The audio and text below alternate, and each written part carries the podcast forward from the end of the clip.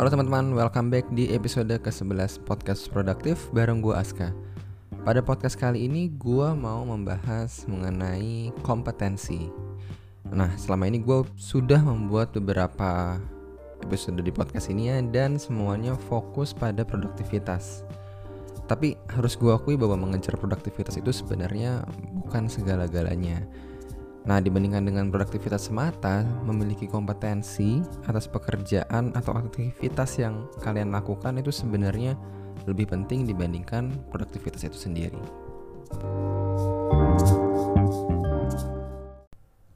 Oke, jadi pada episode kali ini sebenarnya muncul dari pertanyaan yang baru-baru ini gue dapetin ya. Pertanyaannya, apakah memang produktivitas itu segitu pentingnya apa enggak sih? Kemudian apakah kita harus mengejar produktivitas di atas segala-galanya? Jawabannya jelas tidak. Produktivitas itu bukan segala-galanya. Bahkan gue sendiri saat ini pun mengakui bahwa produktivitas itu sifatnya cuma komplementari atas pekerjaan utama kita. Produktivitas dalam konteks personal itu uh, adalah sebuah sistem atau sebuah mindset yang kita bisa terapkan di pekerjaan kita. Jadi kalau diibaratkan seperti perusahaan nih, pasti harus ada nih barang atau jasa yang dijual atau diberikan. Barang atau jasa inilah yang sebenarnya mengenerate uang. Namun, bila perusahaan tersebut mengimplementasikan sistem yang baru, menggunakan metode yang lebih efektif dan efisien, ada teknologi yang baru, maka inilah yang akan meningkatkan potensi pendapatan yang akan dia terima. Nah, produktivitas ini pun seperti itu. Ini adalah sebuah sistem, metode, atau bahkan tools dan teknologi yang bisa diimplementasikan ke pekerjaan kita sehari-hari. Dalam konteks personal productivity, menjadi seseorang yang memiliki skill productivity yang baik itu tidak akan berguna bila dia tidak memiliki keahlian utama atau suatu kompetensi yang dia miliki yang benar-benar mengenerate uang. Jadi sebagai contoh seorang penjahit ya dia harus paham cara menjahit dulu. Seorang koki harus bisa memasak dulu. Seorang software developer setidaknya harus paham bagaimana cara melakukan coding. Kemudian seorang financial analyst harus paham bagaimana membaca laporan keuangan, memahami fundamental perusahaan dan seterusnya. Baru kemudian setelah memiliki kompetensi yang cukup di pekerjaan kita, kita bisa dengan lebih baik menerapkan metode sistem mindset atau tools yang terkait dengan productivity ini. Tentunya sesuai dengan pekerjaan kita. Intinya, ide dari menjadi produktif ini adalah untuk meningkatkan value dari pekerjaan utama kita. Nah, sebelum kita bahas lebih jauh, gue mau mulai dari definisi dulu. Jadi, pertama kita bahas tentang kompetensi. Kalau gue ambil dari Cambridge Dictionary, competence is an ability to do something well. Sedangkan kalau di Merriam-Webster, competence is the quality to or state of having sufficient knowledge, judgment, skill, or strength to a particular duty. Dari definisi tersebut dapat gue simpulkan semakin kompeten seseorang, maka ia semakin bisa menghasilkan pekerjaan yang berkualitas. Di sini bisa dikatakan juga efisiensi. Sekarang kita bahas tentang produktivitas. Kalau dari Cambridge Dictionary, productivity is the rate at which a person, company, or country does useful work. Singular ya di sana. Sedangkan Merriam-Webster menjelaskan, productivity is the quality or state of being productive, di mana produktif itu dijelaskan having the quality or power to producing especially in abundance. Jadi dengan jumlah yang banyak. Maka secara definisi memang produktivitas ini lebih menitik beratkan pada kuantitas atau jumlah yang dihasilkan bukan pada kualitas. Namun penting diingat definisi tersebut besar kemungkinan itu applicable untuk satu aktivitas atau per individual activity bukan suatu total aktivitas yang kita lakukan. Dan seperti yang udah gue pernah bahas di episode sebelumnya, prinsip dari personal productivity yang selama ini gue share itu menekankan bahwa produktivitas adalah total value creation activities di kehidupan kita. Pekerjaan seseorang itu ditentukan dari keahlian dan pengalamannya pada pekerjaan tersebut. Sehingga pada lingkup satu pekerjaan, kompetensi itu menentukan seberapa resource yang dibutuhkan untuk menghasilkan suatu pekerjaan dengan kualitas tertentu. Sedangkan produktivitas itu menentukan seberapa banyak output yang bisa dihasilkan dalam satu waktu. Oke, jadi sebelum gue lanjutin podcast episode kali ini, gue mau infoin lagi bahwa konsep personal productivity yang selama ini gue share itu menitik beratkan pada total value creation activities di kehidupan kita. Nah, hal ini berbeda dengan definisi produktivitas umum yang bisa kalian cari karena biasanya hanya fokus pada per individual activity.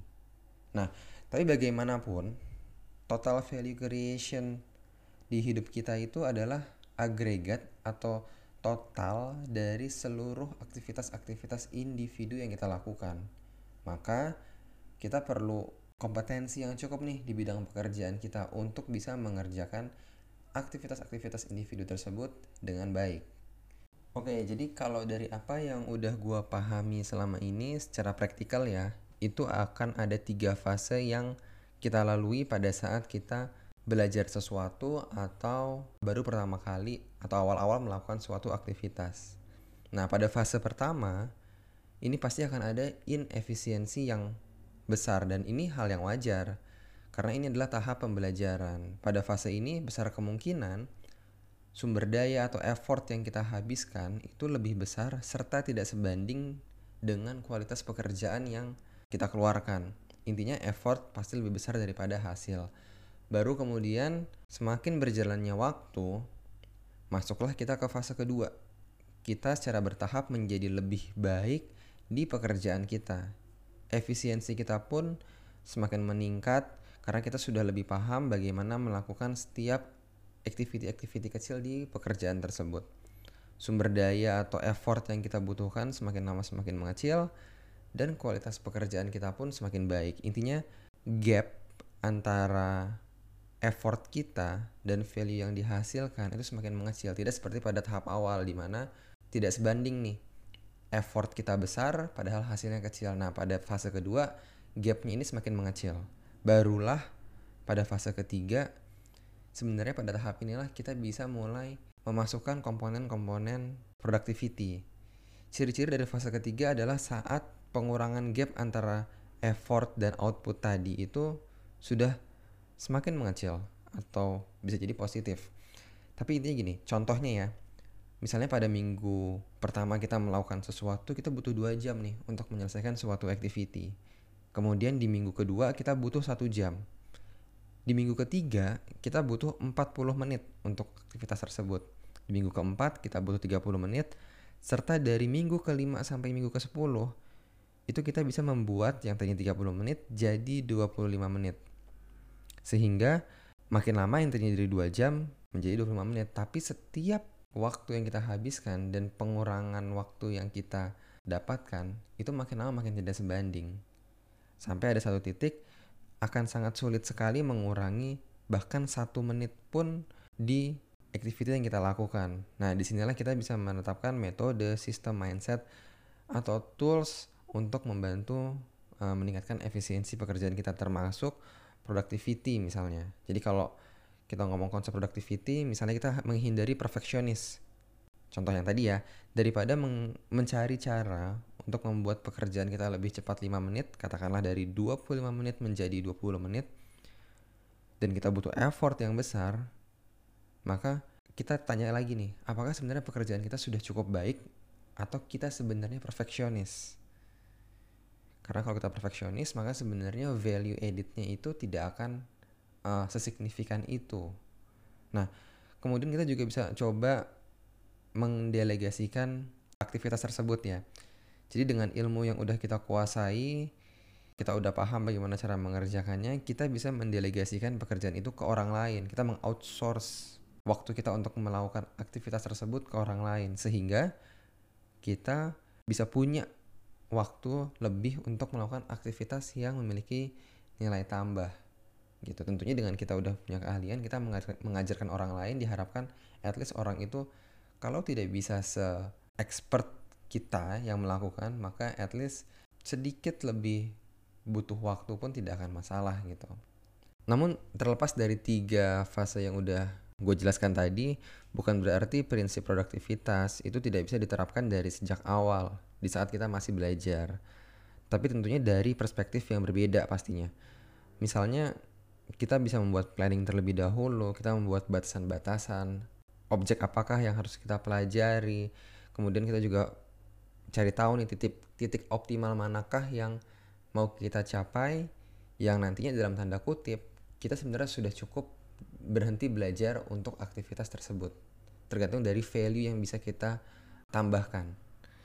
Pada prinsipnya membuat segala sesuatu menjadi produktif itu bisa diterapkan di tahap mana pun, namun dalam konteks um, untuk aktivitas per individu sebaiknya prioritaskan untuk meningkatkan kompetensi kita mengerjakan aktivitas tersebut dengan baik sebelum kita mengejar dari sisi productivity-nya.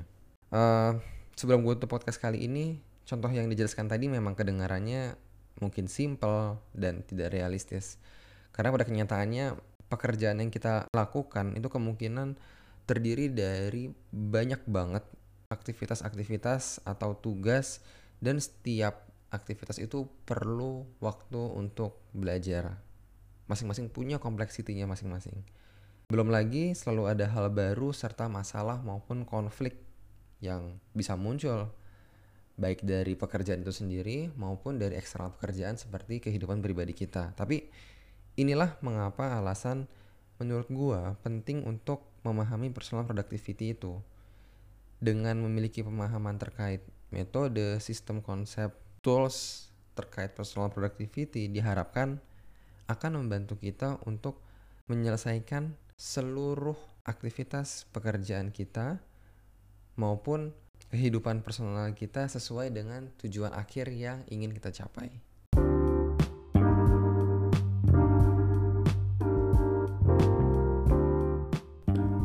Oke, jadi kesimpulannya apabila dihadapkan pada pilihan kompetensi atau productivity, maka saran gue adalah kita bisa mengimplementasikan fokuslah untuk meningkatkan kompetensi kita. Cari cara supaya kita lebih ahli dan lebih baik melakukan pekerjaan yang kita lakukan.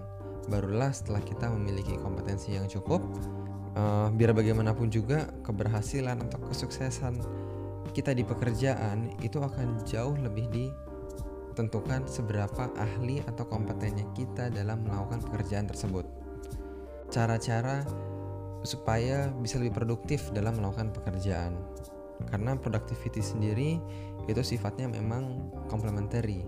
So itu aja yang bisa gue share di podcast kali ini. Semoga bisa bermanfaat untuk teman-teman semua. See you di podcast selanjutnya. thank you